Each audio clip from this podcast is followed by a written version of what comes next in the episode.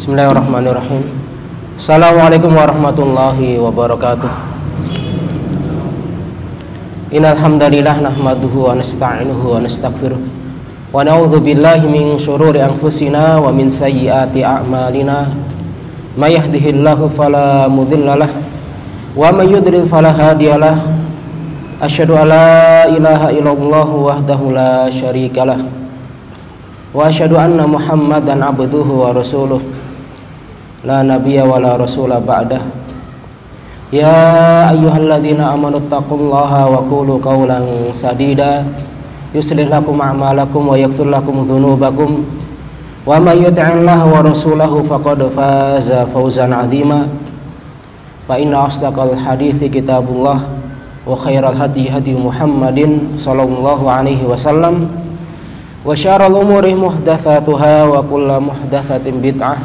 bid'atin dhalalah wa kullu dhalalatin finnar. Allahumma shalli wa sallim wa barik wa an'im wa zid ala nabiyyina wa rasulina wa habibina Muhammad wa man tabi'ahum bi ihsanin ila yaumiddin.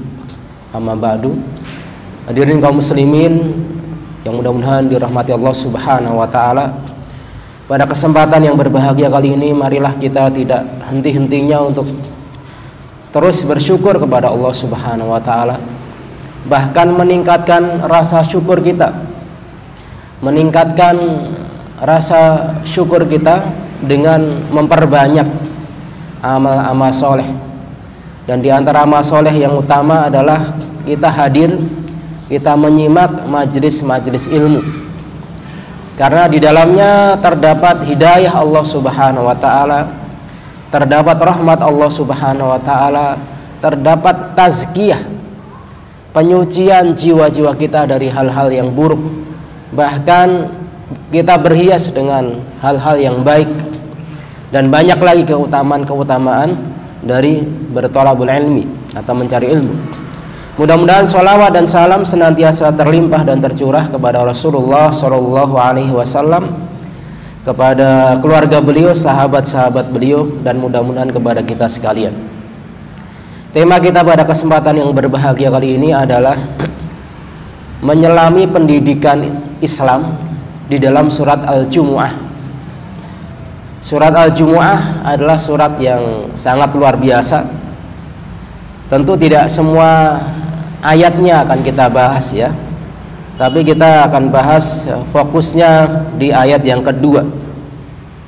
Surat yang merupakan surat utama dan dibaca oleh Nabi Shallallahu Alaihi ketika hari Jumat. Karena Nabi Shallallahu Alaihi Wasallam yaqra'u yaumal. Beliau Shallallahu Alaihi Wasallam membaca di sholat Jumat surah atau surat Al Jumu'ah dan Munafikun. Surat Al Munafikun. Terkadang begitu. Dan ini luar biasa. Di, dal di dalamnya kita diingatkan tentang kewajiban untuk sholat Jumat dan dinamakan Jumu'ah bahasa kita Jumat ya. Kalau bahasa fushanya adalah Jumu'ah. Idza nudiya lis-sholati mi yaumil Jumu'ah. Ini bahasa yang fusha, ya bahasa Al-Qur'annya begitu. Kemudian ya masuk ke dalam bahasa Indonesia jadi Jumat yaitu maksudnya sama hari raya umat Islam setiap pekannya. Diwajibkan kita sholat Jum'ah di dalamnya.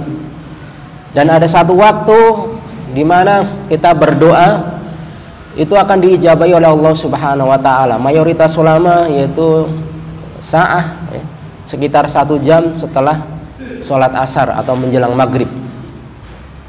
Allah Subhanahu wa taala berfirman di dalam surat Al-Jumu'ah ini, A'udzu billahi minasyaitonir rajim. Bismillahirrahmanirrahim. Yusabbihu lillahi ma fis samawati wa ma fil ard. Maha suci ya Allah Subhanahu wa taala. Beliau menyucikan dirinya sendiri. Begitu juga langit-langit dan apa? Bumi. Al-Malikul Quddus Al-Aziz Al-Hakim yang merupakan raja di raja yang maha suci dari berbagai macam kesalahan dan kekurangan Al-Quddus ya. Al-Aziz yang maha perkasa Al-Hakim yang maha bijaksana di antara hikmah Allah Subhanahu wa taala adalah menurunkan Al-Qur'an yang di dalamnya terdapat petunjuk bahkan banyak nilai-nilai pendidikan yang bisa kita ambil, kita pelajari, kita terapkan di dalam kehidupan sehari-hari. Nah, ayat yang selanjutnya ayat yang kedua, huwallazi ba'atsa fil ummiyina rasulam minhum. Itu Allah Subhanahu wa taala yang mengutus ya fil ummiyin untuk kaum-kaum yang ummi apa maksud uh, al-ummiyin atau nabiyun ummi? Yaitu kaum yang tidak membaca, al-ummiyun humul ladzina la yaqra'una wa la yaktubun. Pertama itu yaitu Allah Subhanahu wa taala mengutus kepada kaum yang tidak membaca, tidak menulis Arab pada saat itu.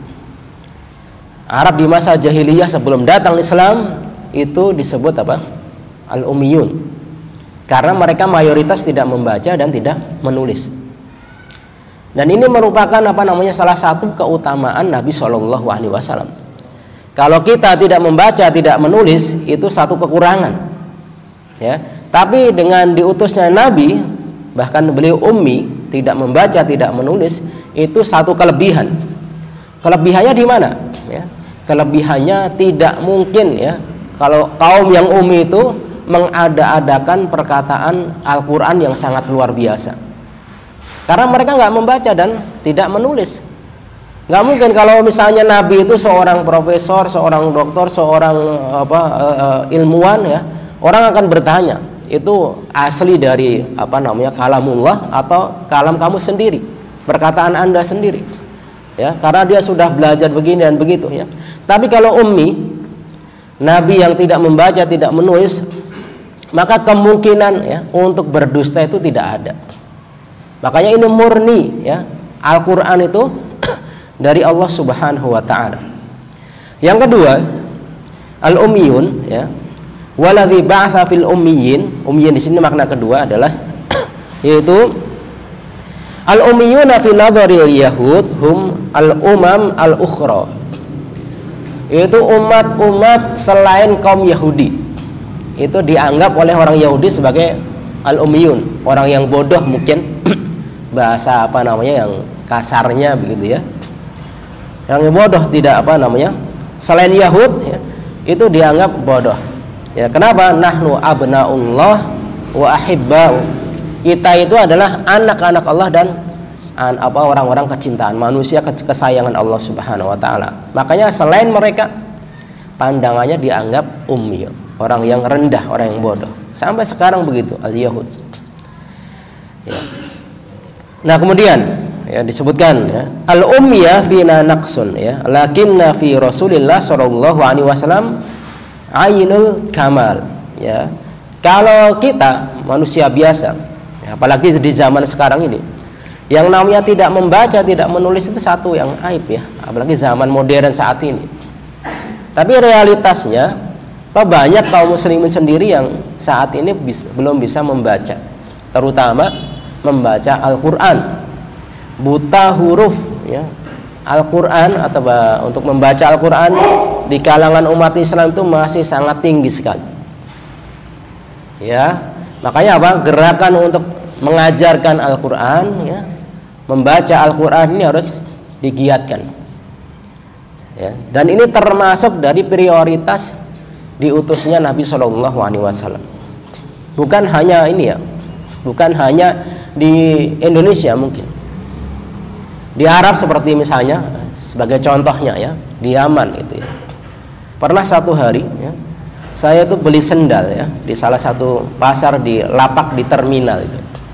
Yang jualan orang-orang apa namanya orang-orang Baduy orang-orang pedalaman kelihatan dari tampangnya dari apa namanya pakaiannya dari gayanya kan orang bisa ini ya bisa nebak lah bangsa begitu kemudian apa namanya ngomong bahasa Arab bisa tapi ketika kamu baca Quran bisa nggak? Nggak bisa. Kamu baca ini bahasa tulisan Arab bisa? Nggak bisa. Ya jadi jangan heran gitu. Jangan heran kalau apa namanya ada orang Arab yang tidak bisa menulis dan membaca bahasa Arab. Itu zaman sekarang gitu. Apalagi dahulu ya.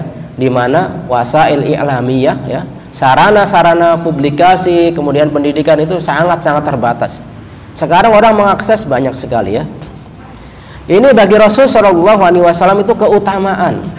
Artinya kemungkinan untuk bodoh, untuk apa namanya berdusta itu tidak ada. Nah, ini apa? Allah ini ya sengaja utus dari kalangan ya, nabi bahkan nabi terakhir itu dari ummi. Kemudian apa risalahnya? Apa yang dibawa oleh Nabi Shallallahu Alaihi Wasallam? Yatlu alaihim ayatihi wa yuzakkihim wa yu'allimuhumul kitaba wal hikmah. Nah ini pendidikan yang terkandung di dalam surat Al-Jum'ah ayat yang kedua ini ada tiga pokok. Ada tiga hal utama. Yaitu apa? Yang pertama adalah yatlu alaihim ayatihi membacakan Al-Quran, tilawah Al-Quran, ya, membacakan, tilawah termasuk mengajarkan apa bacaannya, cara membacanya, dan ini sebaik-baik perbuatan atau amal. Khairukum man ta'allamal Qur'ana wa 'allamah. Sebaik-baik kalian adalah orang yang mengajarkan Al-Quran, orang belajar Al-Quran dan mengajarkannya. Nggak ada profesi yang terbaik daripada ini. Ya, mengajarkan Al-Quran kalamullah sehingga orang dapat hidayah sehingga orang dapat pahala membaca satu satu hurufnya saja sepuluh kebaikan. Bagaimana tidak merupakan sebaik-baik orang atau manusia? Ya, makanya apa? Ini menjadi satu motivasi bagi kita bahwa yatlu alaihim ayatihi memperdengarkan ya membacakan tilawah ayat-ayat Allah Subhanahu wa taala ya. Wa ini stajara ya. Kalau dalam surat At-Taubah itu orang-orang kafir pun apa namanya itu diperintahkan untuk diperdengarkan ayat-ayat Al-Qur'an fa'ajirhu hatta yasma'a kalamullah. Kalau ada orang kafir yang berlindung kepada kalian ya berdekatan dengan kalian fa'ajirhu hatta yasma'a kalamullah. Maka perdengarkan kalam Allah yaitu Al-Qur'an ya sehingga hidayah-hidayah itu bisa apa? masuk yatlu alaihim ayatihi wa yuzakkihim yang kedua adalah at-tazkiyah. Tazkiyah itu penyucian jiwa. Ya. Wa yu'allimumul kitaba wal hikmah. Nah ini para ulama ya, memberikan satu penjelasan apa rahasianya. At-tazkiyah di sini datang setelah yatlu alaihim ayatihi. Setelah membacakan ayat-ayat Al-Quran kemudian baru wayuzakihi memberikan tazkiyah tazkiyah maksud, maksudnya adalah penyucian jiwa dari berbagai macam keburukan kesyirikan, kekufuran, kemaksiatan termasuk akhlak-akhlak yang tidak terpuji yang ada di dalam Islam bahkan menyebar pada saat itu seperti zina ya perilaku yang tidak terpuji Ya, kemudian apa namanya? E, tabaruj jahiliyah wala tabarrajna tabarujal jahiliyatil ula. Ini bersolek berdandan dengan pakaian yang seronok, kemudian berhias ya, keluar rumah ya. Ini apa? Dari zaman jahiliyah sudah dilarang. Sekarang lebih parah lagi. Ya, kalau dulu jangkauannya hanya masyarakat sekitar dia tinggal, sekarang orang ya tabarruj itu bisa menjangkau afak ufuk ya seluruh dunia bisa melihat lebih apa namanya lebih canggih lagi lebih besar madorotnya. Itu ya tazkiyah. Itu datang setelah yatlu alim ayatihi ya. begitu juga sebelum wa yu'allimul kitabah wal hikmah. Sebelum diajarkan kitab dan hikmah tazkiyah itu penting. Dari perilaku-perilaku buruk dusta ya. kemudian apa namanya mengkhianati janji. Itu dihilangkan di dalam Islam ya dilarang di dalam Islam. Dengan datangnya Islam ya hal-hal buruk itu dilarang ya. Bahkan perilaku-perilaku yang apa? Yang sangat tidak masuk akal. Seperti wa'dul banat. Wa'dul banat itu adalah mengubur anak perempuan. Anak perempuan yang terlahir ya seperti mutiara yang bersinar gitu kan yang bagus ya. Kemudian diambil sama mereka dikubur hidup-hidup wa idzal mau'udatu su'ilat bi ayyi dzambin kutilat ya ketika bayi-bayi perempuan itu dikubur bayangkan ya, hadirin sekalian ya bayi perempuan belum ada dosa sama sekali itu dikubur oleh Arab jahiliyah pada saat itu sebelum datang Islam. Karena mereka apa? merasa aib, merasa malu. Malu kalau punya anak perempuan.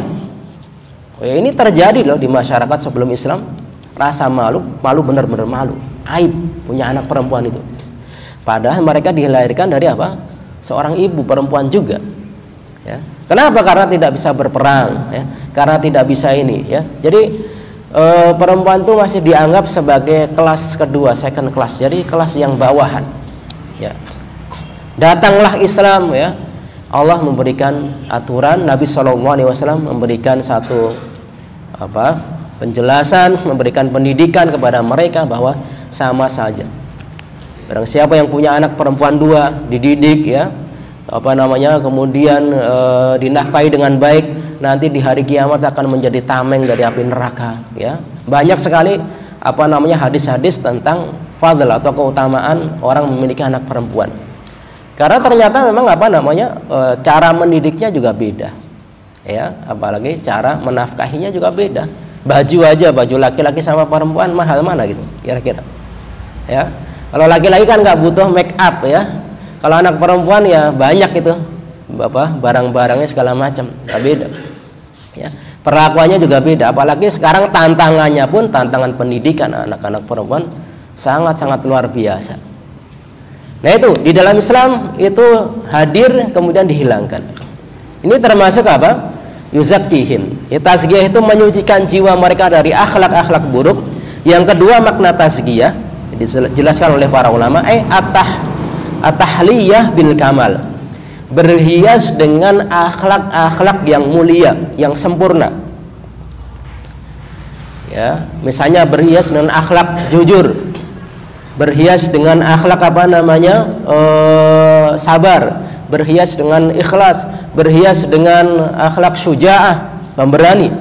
Ini diajarkan di dalam Islam. Berhias dengan apa akhlak menepati janji. Islam datang itu menguatkan hal itu semuanya ya agar kita apa selain menjauhi akhlak-akhlak yang buruk ya kemudian apa berhias dengan akhlak-akhlak yang mulia innama bu'ithu liutammima makarimal akhlak aku diutus untuk menyempurnakan akhlak ya bahkan Allah Subhanahu wa taala pernah apa namanya memuji memuji Nabi Shallallahu alaihi wasallam yang dipuji itu akhlaknya ya wa innaka la'ala khuluqin azim Ketika memuji Allah, memuji nabinya Shallallahu alaihi wasallam, yang dipuji itu sisi akhlaknya. Ya, sisi apa? Akhlaknya. Bukan dari sisi hartanya, bukan dari sisi keberaniannya. Memang apa namanya? Itu sudah tidak diragukan lagi. Tapi ini sebagai bentuk bahwasanya pendidikan akhlak yang terkandung di dalam apa namanya surat Al-Jumu'ah ini sangat-sangat penting. Apa jadinya kalau ada orang yang apa namanya pinter ya orang yang mufakof ya orang yang pandai tapi tidak berakhlak nah, dia pasti akan menggarong ya harta negara ya berkhianat korupsi dan lain sebagainya. Karena apa? Tazkiyah. Mungkin uh, akhir-akhir ini kan apa banyak di lembaga pendidikan itu mulai ada pendidikan anti korupsi. Mulai jadi mata kuliah khusus di kampus-kampus itu. Pendidikan apa? Anti korupsi. Saking budaya korupsi ini sudah menjamur bukan hanya di Indonesia ikhwas sekalian. Bukan hanya di Indonesia. Hampir negara-negara itu. Semuanya hancur karena itu ya. Fitnah al-mal fitnah harta nasallallahu al ya. nah itu karena apa? Kurangnya tazkiyah. Ya. Pejabat-pejabat tinggi ya yang apa namanya rusak rata-rata karena apa? Fitnah harta. Ya karena sisi tazkiyahnya dalam pendidikan mungkin kurang. Karena Islam hadir ya memberikan tazkiyah ya. Wa innaka la'ala khuluqin azim ya. Bahkan beliau sallallahu alaihi wasallam bersabda uh, akmalul mu'min ya imanan bahwa akmalul mu'minina imanan ahsanuhum khuluqan sebaik-baik atau sesempurnanya sesempurnanya seorang mukmin imannya itu adalah mereka yang paling baik atau paling apa e, bagus akhlaknya. Jadi yang dipuji itu akhlaknya. Karena akhlak yang baik ini lahir dari tadi ya, dari iman. Lahir dari iman. Makanya pendidikan yang tidak melahirkan pak peserta didik yang berakhlak mulia bisa dipastikan ini pendidikan yang yang gagal gitu ya. Ya, makanya ada teori-teori revolusi apa mental dan lain sebagainya. Kalau revolusi mental tidak berdasarkan kepada Al-Qur'an ya percuma. Ya, tidak bisa memperbaiki kondisi yang ada. Islam sudah membuktikan ya, sudah membuktikan uh, pendidikan yang baik itu apa? Yang mengacu pada tiga hal tadi. Tiga komponen utama tadi. Ada unsur apa? Tilawah mengajarkan Al-Qur'annya, ya, artinya uh, madah atau uh, esensi substansi dari pendidikan itu digali dari Al-Qur'an, ya. Kemudian ada apa namanya tazkiyahnya dari akhlak-akhlak yang buruk, ya. Begitu juga apa dari hal-hal yang baik untuk dihiasi dalam kehidupan Begitu juga wa yu'allimuhumul kitaba wal hikmah. Ya. Mengajarkan Alkitab, Alkitab itu Al-Qur'an maksudnya, wal hikmah. Ini para ulama mengatakan al-hikmah itu as-sunnah. Jadi mengajarkan apa? Al-Qur'an dan as-sunnah. Jadi kalau ini apa namanya dibuat kurikulum sama pakar pendidikan ya, tiga komponen ini harus ada ada pelajaran-pelajaran yang isinya itu adalah apa? Eh, yatslu alihim ayati. Tilawah Al-Qur'an, khotam Al-Qur'an misalnya. Ya, membaca Al-Qur'an tajwid ya. Ini termasuk tajwid ya. Kemudian tazkiyah. Tazkiyah itu apa? Ada uh, tadi ya tafsir, tafsir Al-Qur'an ya itu banyak memberikan tazkiyah sebenarnya. Walaupun bisa dimasukkan juga apa wa yu'alimul kitab wal hikmah. Atau misalnya apa namanya eh, hadis-hadis yang berisi tentang ini ya tentang tazkiyah ya. Kita bisa lihat di kitab Riyadhus Shalihin ya. Itu banyak sekali hadis-hadis apa namanya tentang tazkiyah ya.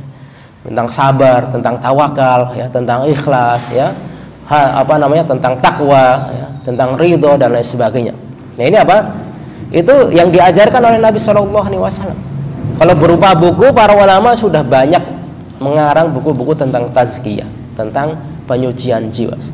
Ibnu Qayyim rahimahullah taala itu salah satu ulama yang punya konsen buku-buku apa tentang tazkiyah. Ya, Ighathatul Lahfan gitu kan, Madarijus Salikin ya. Masih banyak lagi ya. ya. Imam Al-Ghazali rahimahullah taala punya buku namanya Ihya Ulumuddin ini luar biasa ikhwah sekalian ya. Mungkin uh, ada beberapa mungkin apa kesalahan yang sudah banyak di itu para ulama. Tapi buku ini luar biasa ya. Dia mem, beliau membahas satu apa namanya hal yang tidak ada di kitab-kitab yang lain gitu ya. Pembahasannya sangat dalam dan mengena ya. Tasya dalam masalah harta misalnya, detail sekali ya, detail sekali. Tasya dalam masalah apa namanya eh, hal-hal uh, yang lain juga begitu. Yang tidak ditemui pembahasannya atau cara penyampaiannya di oleh ulama-ulama yang lain ya. Kemudian diringkas oleh ulama dari madhab hambali jadi minhajul qasidin misalnya. Itu kan terinspirasi dari apa? Kitab beliau. Dan masih banyak lagi ya kitab-kitab apa? Yang apa? Bisa kita baca ya untuk apa? E, memberikan tazkiyah ya. ayat-ayat Al-Qur'an dan hadis-hadis Nabi Shallallahu alaihi wasallam pun juga banyak mengandung tazkiyah. Termasuk surat Al-Jumuah ini juga banyak tazkiyahnya ya banyak tazkiyahnya. Kita apa namanya diperintahkan untuk mengingat kematian ya, ya. dan tazkiyah itu apa namanya al hadaf al akhir min khuluqil insan begitu kata para ulama ya. Salah satu tujuan terakhir dari akhlak manusia ya akhlak terpuji. Karena orang yang men, e, mentazkiyah dipuji oleh Allah Subhanahu wa taala. Qad aflaha man tazakka. Ya Allah Subhanahu wa taala puji sungguh sangat beruntung orang-orang apa yang mentazkiyah atau berta, uh, apa namanya uh, sedekah ya. Qad aflaha man zakkaha. Sungguh sangat beruntung, sukses mereka orang-orang yang memberikan apa? tazkiyatun nufus ya. Membersihkan jiwanya. Ya, ini berat ya karena amal ya. Amal itu kalau tidak diiringi dengan tazkiyah tidak akan membuahkan hasil yang maksimal. Ya. Ikhlas itu kalau tidak muncul dari jiwa yang eh, ditazkiyah itu tidak akan bisa. Makanya Nabi Shallallahu Alaihi Wasallam beliau diutus oleh Allah Subhanahu Wa Taala untuk tiga hal pokok yang sangat mendasar yatlu alaihim ayatihi wa yuzakkihim wa yu'allimuhumul kitaba wal hikmah ya oleh karena itu mungkin yang pakar-pakar pendidikan bagaimana menurunkan tiga apa namanya hal pokok tadi dalam kurikulum berbasis apa namanya modern ya. Mungkin materinya apa tapi isinya nggak lepas dari ini. Jangan sampai kita apa namanya e, belajar hanya dari sisi yatslu alaihim ayatihi mengajarkan hanya sisi membaca Al-Qur'an saja ya. Atau dari sisi apa yu'allimuhumul kitab wal hikmah mengajarkan Al-Qur'an saja tidak diberikan tazkiyah ya. Wa yuzakkihim ini penting sekali ya. Wa yuzakkihim ini penting sekali ya.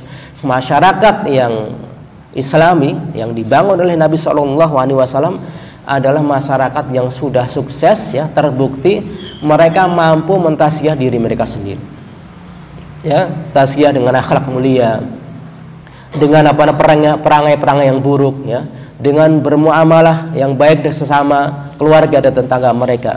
Dan ini sangat luar biasa ya. Sehingga mereka menjadi, apa, menjadi generasi yang unggul ya. Kuntum khaira ummatin terbaik di dalam umat manusia. Umum eh, ikhwas sekalian para hadirin yang dirahmati Allah Subhanahu wa taala ya. Ini ada paling tidak tiga hal ya yang bisa kita ambil uh, dari mempelajari surat Al-Jumuah tadi ya yang pertama adalah al-ghayah min bi'tsati Rasul sallallahu alaihi wasallam yaitu apa? Salah satu umur. Ada tiga hal tujuan diutusnya Nabi sallallahu alaihi wasallam. Dan kita umatnya diperintahkan untuk meniru atau mencontoh dalam dakwah kita. Dakwah kita harusnya juga terkandung tiga unsur ini.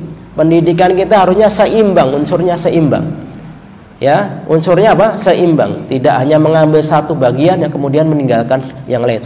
Termasuk tazkiyah tadi taklimul kitab e, wal hikmah itu mencakup segala hal ya. Bukan hanya dalam masalah-masalah akidah dan ibadah. Termasuk dalam muamalah pun banyak sekali apa? Beliau memberikan contoh tazkiyah ya. dulu ghish itu satu hal yang sangat biasa. Talaki rukban itu sangat hal yang biasa ya kemudian apa namanya mengurangi timbangan itu sangat hal yang menyebar ya. setelah datang Islam semuanya dibuat aturan. Ya riba menyebar di pasarnya apa? Yahudi di Madinah. Sampai Nabi Shallallahu Alaihi Wasallam untuk memberikan masyarakat biar tidak terkena riba buat pasar sendiri market sendiri. Ya yang di situ tidak ada goror tidak ada tadlis ya. Kemudian tidak ada riba tidak ada apa namanya menipu ya sehingga mereka hidup dalam apa? Keadilan dalam keberkahan gitu ya. Tadi itu ya pertama tilawatu ayatil Quran ala fiha huda warosyad pertama tugas beliau itu membaca ayat-ayat Al-Quran yang di dalamnya terdapat petunjuk ya dan hidayah. Ini. Makanya membacakan ayat-ayat Al-Quran ini sangat penting sekali khas kalian ya. Sekedar membacakan itu sangat penting apalagi mempelajarinya ya karena substansi dari hidayah itu di dalam ayat-ayat Al-Qur'an dan hadis. Sebaik-baik apa pun perkataan yang kita tulis yang kita apa namanya rangkai nggak menandingi nggak bakal menandingi ya dalamnya dan indahnya ayat-ayat Al-Qur'an. Nggak bisa itu. Ya karena ini perkataan Allah Subhanahu wa taala. Kemudian yang kedua ja'lu ummatahu eh, ja'lu ummatihi azkiya bil iman menjadikan umatnya umat-umat yang memiliki hati yang suci dengan keimanan. Tazkiyah itu caranya apa? Dengan keimanan. Dengan keimanan. Mutahhirina minan da, min danasil kufr wa dzunub wa mafasid al jahiliyah ya. Bersih dari kekufuran, dosa dan keburukan di zaman jahiliyah yang tadi kita sebagian sebutkan. Kemudian yang ketiga, ta'limul Quran wa sunnah wa ma fiha min syara'i wa ahkam wa hukmun wa asrar. Jadi mengajarkan Al-Qur'an dan sunnah dan syariat-syariat Islam yang lainnya. Ini apa tugas Nabi Shallallahu alaihi wasallam, tugas yang berat, tapi beliau sudah apa? sempurnakan itu. Yang kedua, itsbatu nikmati nubuwati Rasul Shallallahu alaihi wasallam. Dan ayat tadi juga memberikan apa? satu ketetapan tentang nikmat nubuah kenabian. Beliau Shallallahu Alaihi Wasallam adalah nabi yang ummi tadi sudah kita sebutkan. Begitu juga manusia biasa. Ul inna ana basyarum mithlukum. Aku adalah manusia seperti kalian. Merasakan anak asum wa uftir, anak puasa dan berbuka, anam wa akum ya. Jadi kemudian tidur dan bangun wa tazawwajun nisa. Menikah dengan wanita sama saja seperti manusia biasa. Yamshuna fil aswaq. Kadang jalan juga di pasar-pasar. Apa? Karena manusia biasa. Tapi yuha ilayya diberikan wahyu Allah Subhanahu wa taala. Yang ketiga yang terakhir, umumu risalatil Islam wa anha laysat khasah bil Arab bal tashmulu al basyariyah jam'a ya. Jadi e, syariat Islam itu bukan hanya untuk kaum Arab saja, tapi untuk semuanya bahkan kita umat Islam di Indonesia ya itu wajib apa melaksanakan syariat-syariat Islam yang ada di dalam Al-Qur'an. Kenapa? Wa akharina minhum yalhaqu bihim. Jelas ya, bahwa ini bukan khas atau khusus untuk orang Arab saja. Jadi khas kalian para hadirin yang dirahmati Allah Subhanahu wa taala, dari pembahasan tadi bahwa jelas ya pendidikan yang ada di dalam surat Al-Jumu'ah ini sangat luar biasa sekali ya. Terfokus pada tiga hal ya. Membacakan atau tilawah ayat Al-Qur'an, mentazkiyah yang kedua, yang ketiga apa? mengajarkan Al-Qur'an dan As-Sunnah ya. Terkadang di satu apa namanya lembaga pendidikan dia fokusnya Al-Qur'an saja gitu kan. Taklimu sunnah atau apa al hikmahnya jarang gitu kan. Sisi hadisnya dilupakan. Ada yang hadis saja gitu kan.